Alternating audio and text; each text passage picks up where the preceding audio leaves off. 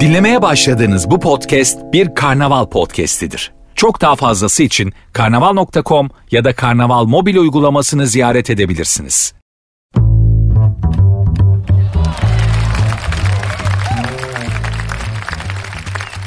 Herkese merhaba. Sertünsüz başladı ben Nuri. Saat 22'ye kadar kül kedisi Cinderella'nın ayakkabısını kaybettiği saatlere kadar birlikte olacağız. Pazartesi günüdür, haftanın ilk günüdür. Biraz yıpranmış, biraz yorulmuş biraz kendinizi üzmüş olabilirsiniz. Sizi de bir tık üzmüşlerdir. Haftanın ilk günü diye değil yani. İş hayatı, dışarıdaki hayat. Beton ormanda yaşıyoruz hanımlar beyler. İlla bir tık üzerler. Bundan kaçış yok. Ama bugün şunu fark ettim ki hakikaten kayıp yeteneklerin değerlendirilememiş ya da değerlendirilmemiş, yerini bulamamış, akacak bir mecra bulamamış yeteneklerin ülkesiyiz. Şöyle bir şey oldu. Trafikteyim hepimiz gibi bir polemik oldu trafikte. Ben taksideydim ama önümdeki araçla onun önündeki araç arasında bir program oldu. Öndeki araç bir PVC doğrama yüklü bir kamyonet. Arkada da bir araba var. Kamyonet PVC indiriyor. Tabii ki yolu tıkamış. İstanbul'da yaşıyoruz yani. Hani park edeyim de insanlar rahat rahat geçsin böyle bir empati yok. Hiçbirimiz yok. Ya da pek azımız da var.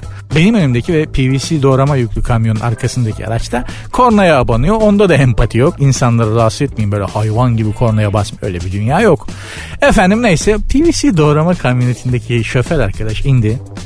Kornaya abanan arkadaşın yanına geldi. Cama vurdu tık tık. Aç aç dedi bir şey yapmayacağım. Adam camı açtı. O kornayı dedi sök gendüğe daktu hopladıkça çalarsın. Türkçesini söylüyorum. O kornayı sök kendine tak hopladıkça çalarsın. Abi sen niye PVC doğrama işi yaptın ki? Senin reklamcı falan olman lazım. Adamın bulduğu slogana, mottoya bak. O konuyu ise kendine tak zıpladıkça çalarsın.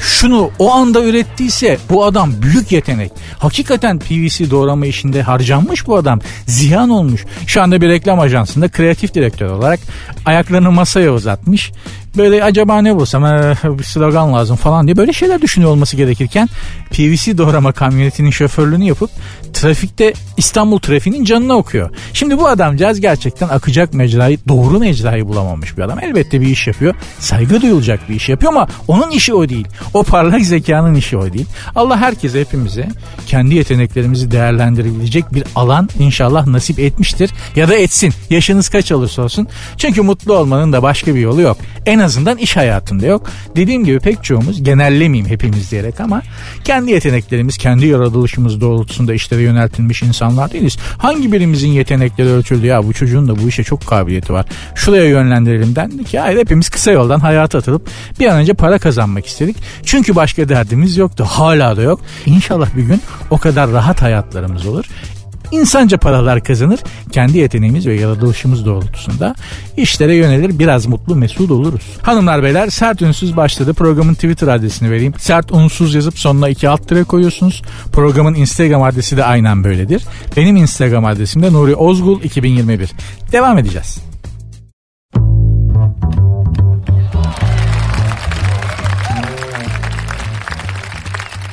Sert ünsüz devam ediyor. Bugün benim için değişik bir gündü çünkü saçları komple kazıttım. Öyle icap etti. Kendi kafa derimle 50 sene sonra ilk defa tanıştım ve çok pişman oldum. Benim kafam bu kadar çirkin miydi ya? Yaşanmış en sıcak yaz yüzünden yüzüm gözüm kapkara, kafa derim bembeyaz. Tamam Beşiktaşlıyız evelallah. Ama böyle yumurta gibi bembeyaz kelin altında bakır tava rengi gibi suratla karşılaşınca ben bu kadar tipsiz miydim diye düşündüm. Sanki daha evvel çok tipliymişim gibi. Kendimle aynada ilk defa kelaj olarak buluşunca şunu fark ettim hanımlar beyler. Bir insan bütün hayatını kafasını kazıtınca kel kafasından okuyabiliyor. Benim için öyle oldu. Ya benim kafa sakar ovası patatesi gibi yamru yumruymuş meğerse. Ben bu kafaya bu kadar darbeyi ne zaman aldım da kafayı bu kadar yamuttum. Aynada böyle kafamdaki yumrulara bakarak düşünmeye başladım maziyi. Şu yumruyu hatırlıyorum çocukken oldu. Şu Aksaray'da bir arka sokakta kavga ederken kafama hasır sandalye vurdular o olabilir. Şu yada izi çocukken Bülent diye bir arkadaşım vardı. O durup dururken taş atıp yermişti. Aynaya da bakıyorum. Yeni kazıttığım kafamda bütün hayatım bir film şeridi gibi gözlerimin önünden geçti. Bir insan kazıttığı kafasına bakarak nostalji yaşayıp gözleri dolar mı? Evet dolar. Benim de oldu. Aslında farkında mısınız? Biz çok façalı bir milletiz. Yarası olmayan biri var mı içinizde? İlla böyle kavgada falan alınmış 16 santimlik bıçak façası değil. Çocukken düşmüşsünüzdür, eliniz ayağınız yanmıştır, kendinizi yaralamışsınızdır. Vardır yani. Benim asıl yara kafanın içinde. Şöyle. Bebeğim yani kundaklıyım. O kadar bebeğim. Anneannemle babam lades tutuşuyorlar. Olabilir. Bir gün babam anneanneme bebek beni verirken lade istiyor ve anneannem o faka basmanın verdiği refleksle ha deyip beni bırakıyor. Ve ben Deniz bebek halimle kafa üstü soba mermerine düşüyorum. Enteresan bir şey söylediğimde abi bu kafayı nasıl yapıyorsun ya diye soran dinleyici arkadaşlarıma söylüyorum. Bu kafayı bebekken yaptılar bana soba mermeriyle. Yani illa kimyasal bir şey almaya gerek yok. Kafa yapmak istiyorsan soba mermeriyle de yaparsın. Bana yaptılar bak 50 sene oldu bu kafayı işleterek ekmek yiyorum. Kafa tasımın içinde benim sermayem 750 gramla 1 kilo arası. Gerçi fiziksel yaraların hepsi geçer. Asıl önemli olan ruhumuzdaki yaralar hangimizde yok ki sorarım hanımlar beyler. Ama galiba insanı yap, insan yapan da bu ruhsal yaralar. Yani hayvanların ruhsal yaraları olmaz. Bir aslanın kalbi kırılmaz mesela değil mi? Bir kokarca abi ben çok pis kokuyorum ya diye utanç duymaz. Bir leylek ya ben niye her sene Afrika'ya gidip Amasya'ya geri dönüyorum lan manyak mıyım diye üşenmez göç etmeye. O yüzden hayvanların da karakteri olmaz. Karakter ruhunuzdaki yaralara direndiğiniz ölçüde gelişen insana ait bir şeydir. Ruhunuzdaki yaralarınızla barışın lütfen.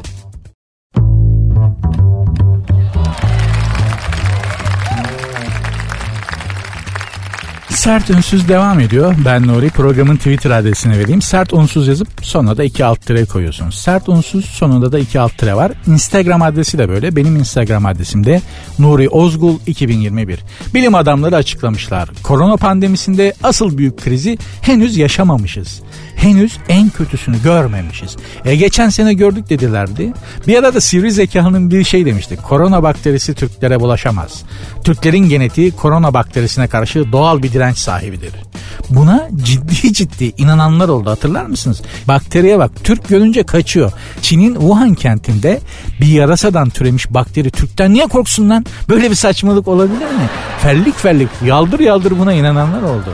Ha gerçi olabilir de Yeryüzünde bakteriyle bizden barışık tek kavim var benim bildiğim Hintliler.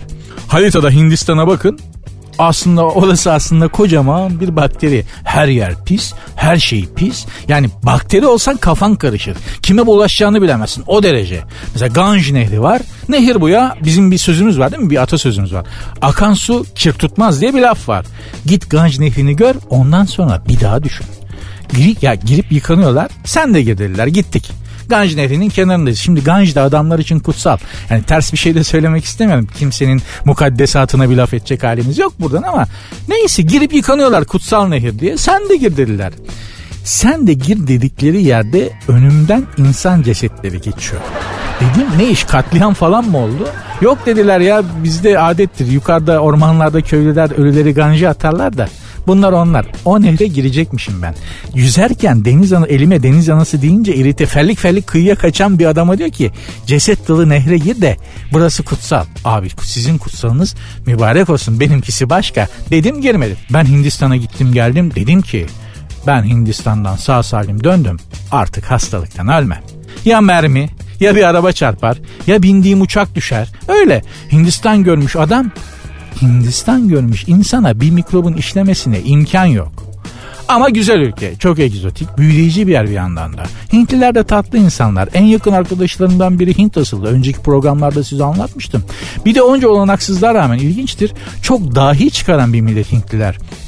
Amerika'da Silikon Vadisi diye bir yer var. Dünyada bilim, ticaret, inovasyon falan ne kadar gelişme varsa Silikon Vadisi'nde bu orada çalışan Hintlilerin kafasından çıkıyor. Ama neden?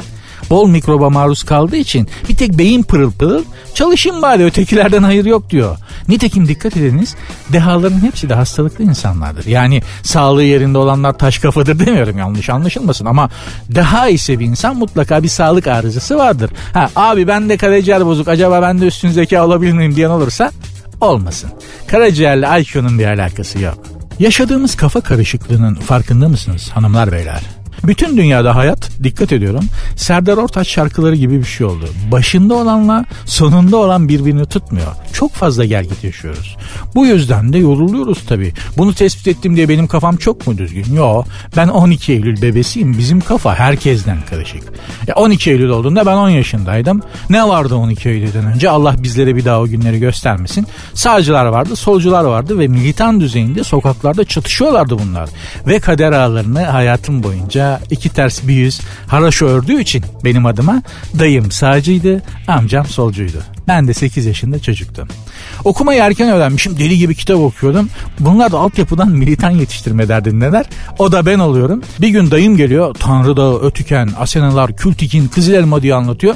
Ertesi gün amcam geliyor. Hak, eşitlik, sömürü diyor. Sömürüyü de bana babam üzerinden anlatıyor. Bak yeğenim baban sana harçlık veriyor. Yemek veriyor. Seni gezmeye götürüyor. Neden? Seni sevdiği için mi? Evet, evet amca. Hayır seni sevdiği için değil. Yaşlanınca ona bak diye yapıyor bunları. Ezdirme kendini yeğenim 5 lira harçlık için geleceğini kimseye ipotek ettirme. Ulan bir insana ideoloji babası üzerinden anlatılır mı? Hem de babasını kötüleyerek. Ondan sonra da neden devrim olmadı? Nasıl olsun? Kendi babamdan soğutuyor adam beni. Dayım dediğim gibi dayım sadece amcam solcu. Bir gün biri sağdan ajitasyon çekiyor. Başka bir gün geliyor öbürü soldan ajitasyon çekiyor. Adamlar ideolojik çatışmalarını 8 yaşındaki benim üzerimde yapıyorlar. Bir gece mesela solcu amcamla afişlemeye gidiyoruz. Duvarlara ideolojik afişler asacaklar. Beni de duvarın üstüne koyuyorlar erkete. Polis gelince bize haber ver diye. Rüşvet alarak da elimde meyveli gazoz. Ben bir süre sonra çişim geldi diye ağlıyorum. Adamlar az önce ideolojik afişleme yaptıkları duvara bana küçük tuvaletimi yaptırıyorlar. Biri de diyor ki abi Lenin devrimi planlarken çocuk mu iş etti ne yapıyoruz biz ciddiyetten uzağız falan diyor. Öbür günde işte savcı olan dayımlarla duvar boyuyorlar onlar. Ben de gene duvarın üstünde erketeyim polis görürsek diye. Sağcılarda afişleme olurdu. Şey sağcılarda afişleme olmazdı pek. Matbuat solcuların elindeydi. Onlar afiş basıyorlardı. Ee, sağcılar da genelde duvara yazı yazıyorlardı. Okuma yazmayı ben dayımların duvara yazdığı sloganlardan öğrendim. İlk söktüğüm cümleyi bugün gibi hatırlıyorum sizlere söyleyebilirim. Gomanizler Moskova'ya. Sert ünsüz hanımlar beyler devam edecek. Programın Twitter adresini ve Instagram adresini tekrar hatırlatmak arzusundayım. Sert unsuz yazıp sonuna iki alt tere koyuyorsunuz. Instagram adresi de böyle. Benim Instagram adresim de Nuri Ozgul 2021.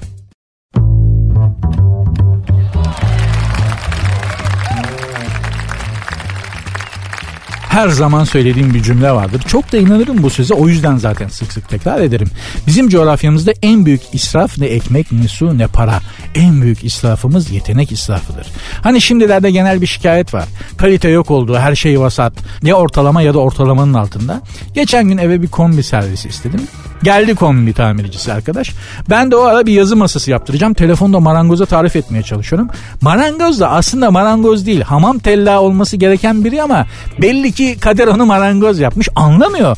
Ya masayı tarif ediyorum. Kaç tane ayağı olacak diye bana kaç tane ayağı olacak diye soruyor bana. 7 tane desem 7 ayaklı masa yapacak adam yani. Sinirlendim kapattım telefonu. Kombi tamircisi arkadaş kulak misafiri olmuş. Abi bir kağıt kalem var mı dedi verdim. Bir masa çizdi. Benim tarif ettiğim masanın aynısı benden daha iyi çizdi. Masa resmine baktım adamda perspektif var. Işık anlayışı var. Gölgeleme falan biliyor. Desen var. Dedim ki ya sen yanlış iş yapıyorsun. Neden abi dedi. Ya sen kombici değil ressamsın oğlum resim yapsana dedim. Abi ilkokulda öğretmen de öyle söyledi ama aç kalırım diye babam istemedi dedi. İşte heba olup gitmiş bir yetenek. Ama babasına kızamadım. 16 yaşında bir yeğenim var. Ellerinizden öper pek çoğunuzun. Müthiş bir resim kabiliyeti var. Benim de bir ressam arkadaşım var. Onu aradım. Bizim ufaklığın yaptığı resimleri yolladım WhatsApp'tan. Hemen bana getir çocuğu dedi. Götürdüm mü? Hayır. Neden? Çünkü o ara Van Gogh'un hayatını okudum. Van Gogh malum bir ressam. Parayla alamazsınız şimdi tablolarını. Yani böbreği falan satsak alamayız. Öyle bir öyle o değerde tabloları var. Zaten müzelerde, özel koleksiyonlarda bile çok az. Ama adam hayatı boyunca 900 resim yapmış ve hayattayken tek bir tablo bile satamamış. Düşünebiliyor musunuz? Üstün bir ressamsınız. Çağları aşan bir yeteneğiniz var. 900 tane de sanat eseri üretiyorsunuz ve bir Allah'ın kuluna satamıyorsunuz. Van Gogh'un hani meşhur bilinen hikayesidir. Kulağını kesip sevgilisine yollamış Van Gogh bilirsiniz. Abi adam dahi de bir kafa uçuk hey heyleri gelince kesmiştir kulağını falan diyorlar. Ya ne dehası açlıktan gitmiş adamın kafası. Ben bir öğün atlayınca açlıktan kan şekeri yerlere düşüyor. Lucifer oluyorum. Alnımda böyle 666 rakamı çıkıyor. Adam Adam kesecek hale geliyorum. Gözüm dönüyor. Van Gogh bir ömür boyu aç kalmış. Kulağını kesmekle yetindiğine dua et. Siz ben olsak seri katil olmuştuk. Bu arada resim sanatına da mesafeli bir kavim olduğumuz tartışılmaz. Ben dünyada çeşitli yerlerde gittiğim şehirlerde pek çok müzede büyük ressamların tablolarını görme şansı elde ettim. Peki resim bahsinde yontuldum mu? Hayır. Resim zevkim hala kebapçılardaki lahmacun fırının üstüne asılan dere kenarında otlayan camışlar tablosu seviyesinde. Bilirsiniz o lahmacun fırının üstü tablolarını. Uzakta ahşap bir kulübe, bacasından kalem gibi ince bir duman tüter. O da direk gibi çıkaran, hiçbir rüzgar yok burada. Bayrak direği gibi bacadan dümdüz çıkan duman olur mu? Ama işte diyorum ya lahmacun fırının üstüne asmak için yaparsanız olur. Kulübenin önünde akan bir dere ve derenin içinde çimen iki ya da üç camış sıfır perspektif. En yakındaki ağaçla en uzaktaki ağaç aynı büyüklükte.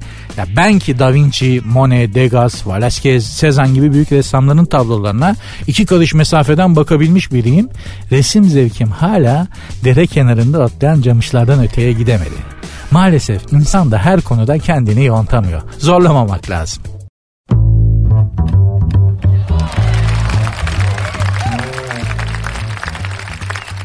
Balayı sürüyormuş. Yaşasın. Çok güzel. Kimin balayıymış bu? Benimki değil. 50 yaşında adamım. Ben de balayı olmaz. Yani evlensem balayına çıkacak değilim herhalde bu yaştan sonra. Neden? Öyle bir duygum var. Ne balayı abi? Ertesi gün kalkar işe giderim diye düşünüyorum ama önem sıralaması yaşla beraber değişiyor. Eskiden mesela giyinmeyi çok severdim. İyi giyinmeyi çok severdim. Takım elbiseler böyle kuru vaze, tek düğme, dömü klasik, smart casual. Saçlar böyle her sabah bir kova jöle sürmeler saçlara. Özel dikim gömlekler. Şık çocuktum açık söyleyeyim büyük i harfi gibi gezerdim. Şöyle öyle fittim yani. Şimdi ama evden salsalar gece giydiğim çizgili pijamayla işe gideceğim.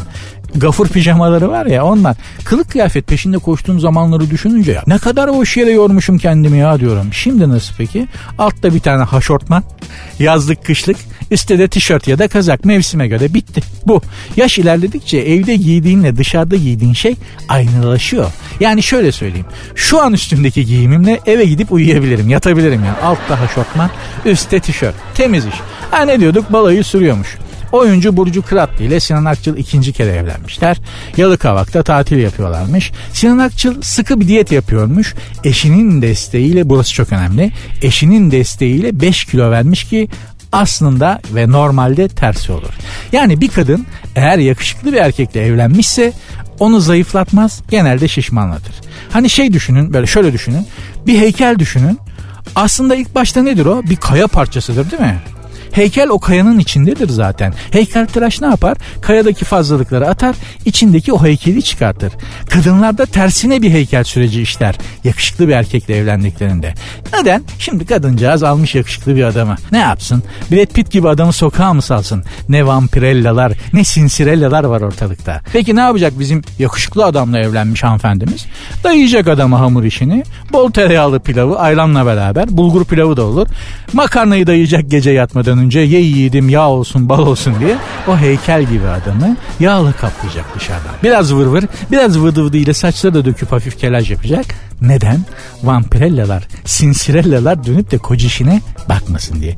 Çünkü biliyor o şişko kel adamın içinde kendi yakışıklısı duruyor orada o. O sadece onu yağla kapladı. Dışarıdan kahtalı miçe gibi olsa bile içeride Brad Pitt. Kadın biliyor bunu. Benim böyle bekarken iyon sütünü gibi olup da evlendikten sonra kaldırım taşına dönen çok yakışıklı arkadaşım oldu.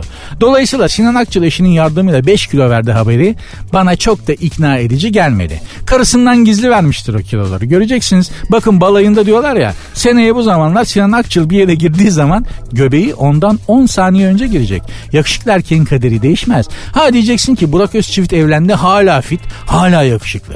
Kardeşim onun ekmeği oradan. Adam akşam eve ekmeği o yakışıklılıkla getiriyor. Yenge bozar mı onu? Emekli olsun bak o zaman gör Burak Özçivit'i. Emekli şemsiyesine döner.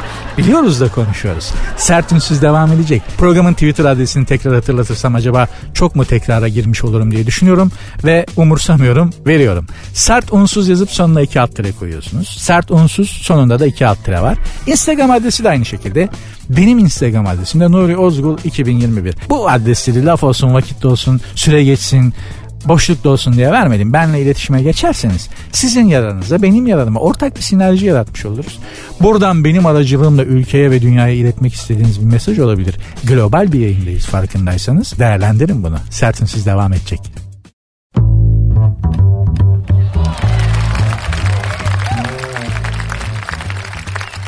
Victoria ve David Beckham çifti İngiltere'deki çiftlik evlerine dondurma makinesi almışlar. Örnek çift gerçekten.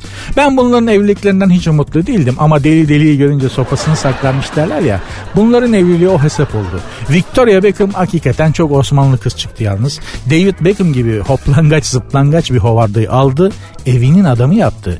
Bir serseriyi bir aile babasına döndürdü. Pek çok kadının yaptığı bir şeydir bu. Özel bir durum değildir yani. Ve ancak bir kadın yapabilir bunu.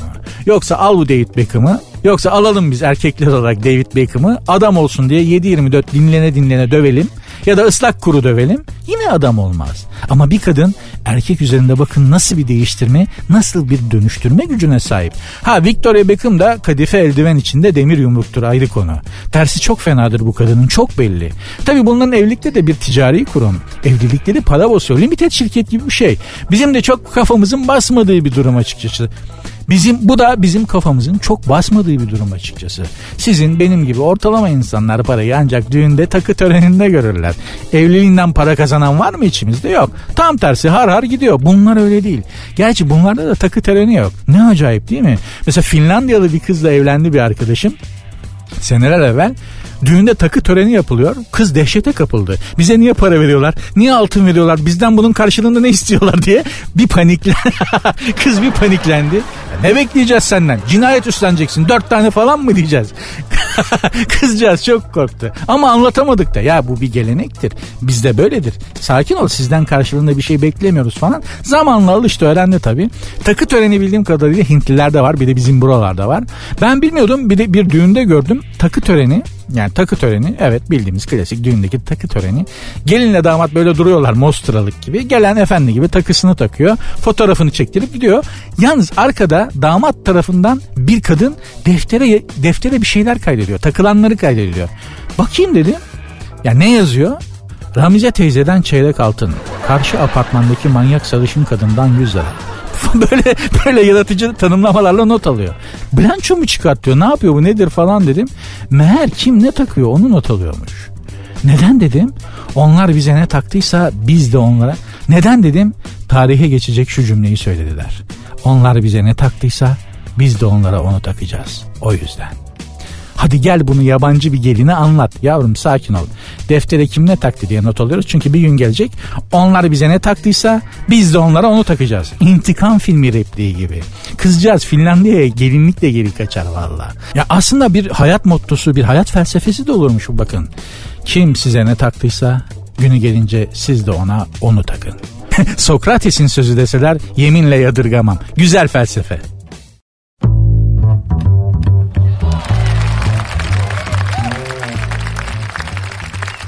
Hanımlar beyler sert ünsüz devam ediyor. Bugün Z kuşağına mensup yeğenim akıl alıcı sorularından birini daha sordu bana. Amca dedi sen hiç devlete karşı geldin mi? Ya nereden aklına geldi? Neden böyle bir şey sormak ihtiyacı hissetti bilmiyorum. Hayır tabii ki dedim direkt olarak ama sonra düşündüm acaba şu sayılır mı? Yani e, sergüzeştimde mazideki maceralarımda şöyle bir şey var. Ben Kabataş'ta okudum. Ekrem diye bir arkadaşım vardı. Gece konuda oturuyor çocuk. Yahya Kemal Mahallesi'nde. Seneler evvelki bir mevzu. Bana yaklaştı geldi kafalarımız uyuşuyor aynı şeylerden hoşlanıyoruz birbirimizi anlıyoruz falan. Abi dedi bugün dedi bize gelir misin dedi. Ne yapacağım gelirim tabii de hayırdır falan dedim. Zabıtalar dedi bizim gece konduyu yıkmaya gelecekmiş de dedi. E dedim ben ne yapacağım? Babası buna demiş ki bir iki, bir iki kişi daha bul getir kalabalık olalım. Oğlum dedim üç kişi zabıtaya karşı nasıl duracağız? Karşı durmayacağız dedi. Ne yapacağız? Zabıta geldiğinde sen, ben, babam çatıya çıkacağız. Babam bizi yakmakla tehdit edecek zabıtaları vazgeçirmek için. Ne? Ya hatırlayanlar olacaktır. Böyle bir durum vardı. Gece kondusunu yıkmaya gelenleri çatıya çıkıp ya kendini ya da çocuğunu yakmakla tehdit eden konducu haberleri olurdu. Hatırlayanlar olacaktır. Böyle bir durum vardı. Gece kondusunu yıkmaya ge- gelenleri çatıya çıkıp kendini ya da çocuğunu yakmakla tehdit eden konducu haberleri olurdu ana haber bültenlerinde. Arkadaş belasına gittik. Babası Fazıl amca beni gördü. Sağ ol koçum dedi alnımdan öptü. Otur dedi çay verdiler. Bekliyoruz gece konunun içinde zabıtalar gelecek diye. Bir çocuk koşa koşa geldi. Fazıl amca zabıta geliyor diye. Biz hadi çatıya çıkıyoruz. İçeriden böyle tahta bir merdiven var. Ben gece konunun içinden çatıya çıkan o tahta merdivenden Fazıl amca ve Ekrem'le tırmanırken kendi kendime söz veriyorum. Diyorum ki bir gün evlenirsem evleneceğim kıza mazimdeki her şeyi anlatacağım ama bu saçmalığı anlatmayacağım. Çünkü hangi, aklı olan hangi kız böyle bir şey yapan adamla evlenir? Neyse çıktık çatıya böyle bekliyoruz zabıta değilmiş polismiş o çocuğun söylediği indik bekliyoruz televizyon seyrediyoruz. Hani şey vardır Bekledikçe duruşunu kaybedip kaykılırsın. Ben de olur o. Beklerken beklerken benim şakülüm kaydı böyle. Tam mı yaşayacağım? Zabıta geliyor diye haber geldi. Biz yine koşarak çatıya çıktık. Bir tane üniformalı biri geliyor ama hiç yıkıma geliyor gibi değil zaten tek başına geliyor. Fazıl amca yaklaşma yakarım çocuklarımı bak dedi adam. Dayı ben zabıta değilim postacıyım ya dedi. Bu arada bende boy 1.76. Ee, Ekrem'in boy 1.80'in mütecaviz. Fazıl amca ise 1.55'i anca zorluyor. Yani yakarım diye çakmağı çakıyor ama paçalarımıza tutuyor. Çünkü en yakın ulaşabileceği yer bizim pantolon paçaları. Böyle Marmara çırasını tutuşturur gibi. Neyse. Bu arada Ekrem güvercin meraklısı. Şimdi düşünün 1.75 ben. 1.80 küsür Ekrem. Aramızda pazar poşeti gibi 1.55 Fazıl amca ve etrafımızda uçuşan taklacı güvercinler. Zannedersin gece kondu yıkımı değil Black Edwards komedi filmi gibi. Absürt bir durum. Hasılı o gün yanlış alarm yüzünden 3-4 kere gece kondu çatısına çıkıp indik. En sonunda zabıta gerçekten geldi. Çıktık çatıya. O zamanlarda Türkiye'de ilk özel kanal açılmış. Sonradan Star TV adını alacak olan Magic Box kanalı. Fazıl amca yaklaşmayın yakarım çocukları diyor. Ya ama görüntümüz o kadar komik ki. Ya Fazıl amcanın bizi öldürme ihtimali ancak gülmekten öldürebilir. Yani o kadar kısa kalıyor yanımızda. Gelmeyin yakarım falan diyor. Çakmağı çakıyor. Bu sefer de çakmak yanmıyor. Çat çat çat çakmağı yakıyor. Fazıl amca bir yandan çakmağı saydırıyor bir yandan yakmaya çalışıyor. Caydırıcı, caydırıcılığımız korkutucu olmaktan çıktı. Hani adamlar evi yıkmak isteseler gülmekten yıkamayacaklar. O hale geldiler. Zabıta dedi ki ya yıkım için gelmedik emmi. Tespit yapacağız, kaydı alacağız. Buralar satılırsa ilk sana satın alma hakkı verecekler falan. Fazıl amca her gece konducu gibi topu ihtimali uzaktan görününce yelkenleri suya indirdi. Akşam eve geldim. Televizyon ana haberlerde bendeniz. Ekrem ve Fazıl amca haber şöyle. Yıkıma direnmek için evlatlarını yakmaya kalkan konducunun çakmağı çakmadı. aile içinde aile içinde hala alay ediyorlar benimle. Ben bile kendi kendimle alay ediyorum ama iyi ki o gün gitmişim. Çok eğlendim. Unutulmaz. unutulmaz bir hatıra olmuştu. Bak yine aklıma geldi. Yine gülüyorum. Hanımlar beyler Sert Önsüz'ün Twitter adresini vereyim programın. Sert Onsuz yazıp sonuna iki alt koyuyorsunuz. Instagram adresi de aynı şekilde. Benim Instagram adresim de Nuri Ozgul 2021. Neden sık sık Twitter adresi veriyorsun, Instagram adresi veriyorsun diyorlar. Çünkü patron tweetleri ve Instagram'daki like'ları sayıyor. Yani artık böyle ölçülüyor başarı. O yüzden yüklenin abi programı seviyorsanız biz de bir ekmek yiyelim ne olur be.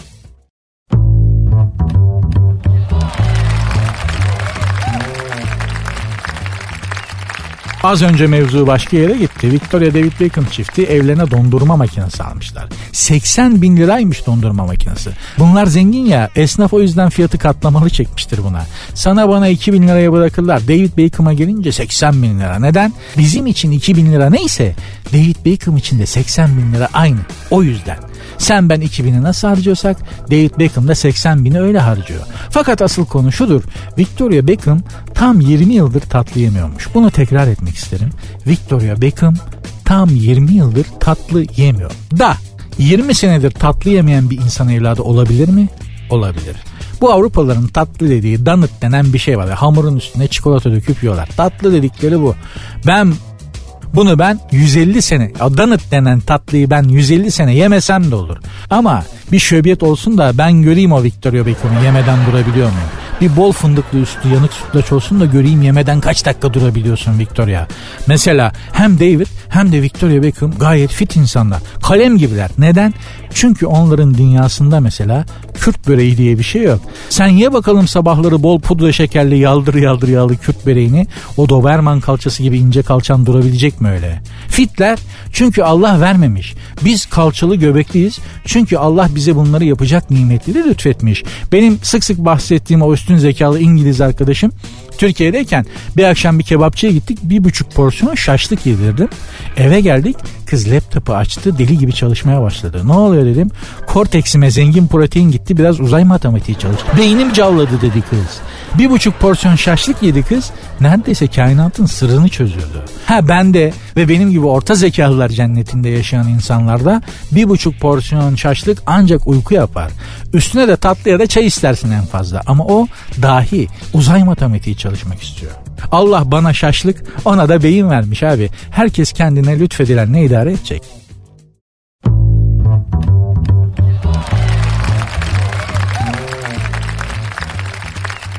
Sert Ünsüz devam ediyor. Bugünkü son anonsum bu.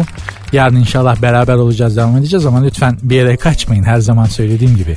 Programı beraber açtık beraber kapayalım hanımlar beyler. Erasmus.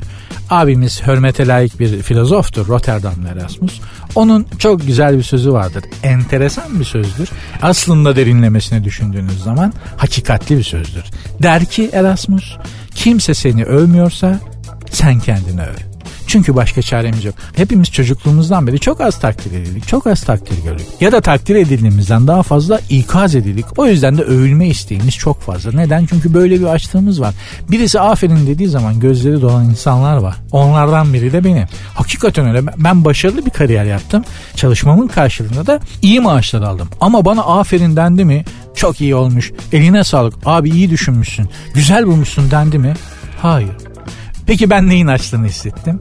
Paranın mı bunun mu? Açık söyleyeyim bunun. Hangimiz hissetmiyoruz ki hangimiz takdir edilmekten hoşlanmayız? O yüzden hanımlar beyler kendimizi sevmek zorundayız. Kendimizi sevmenin en güzel yolu da kendimizi biraz övmek. Çünkü bunu başkaları yapmıyor. Bunu bir zaaf olarak görüyorlar. Översek şımarır, poposu kalkar, şöyle olur, tepemize çıkar falan diye düşünüyorlar. Oysa insan ruhunun en önemli açlıklarından biri takdir edilmek, övülmek. Gururun okşanmasından bahsetmiyorum ama takdir edilmek, övülmek güzel bir şey. Da kimse yapmıyor maalesef. Bari siz kendi kendinize yapın. Ben kendi kendime yapayım da biraz ruhumuz doysun. Kendimize iyi bakmak ve sevmek zorundayız. Kimin sözüydü bilmiyorum ama güzel sözdü. Kendinizi sevin çünkü bir ömür boyu kendinizle yaşayacaksınız. Hanımlar beyler sert ünsüz bu akşamlık burada kül kedisi Cinderella'nın ayakkabısını kaybettiği saatlere geldik. Ben yavaş yavaş gidiyorum ama yarın hızla geleceğim. İnşallah güzel şeyler anlatabilmişimdir. Sizleri kendi gerçekliğinizden koparıp başka şeyler düşündürtebilmiş rehabilite edebilmişimdir inşallah diye düşünüyorum. Bunu yapabildiysem ben yemeğimi hak ettim demektir.